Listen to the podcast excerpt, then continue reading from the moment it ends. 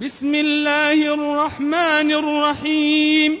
والتين والزيتون وطول سينين وهذا البلد الأمين لقد خلقنا الإنسان في أحسن تقويم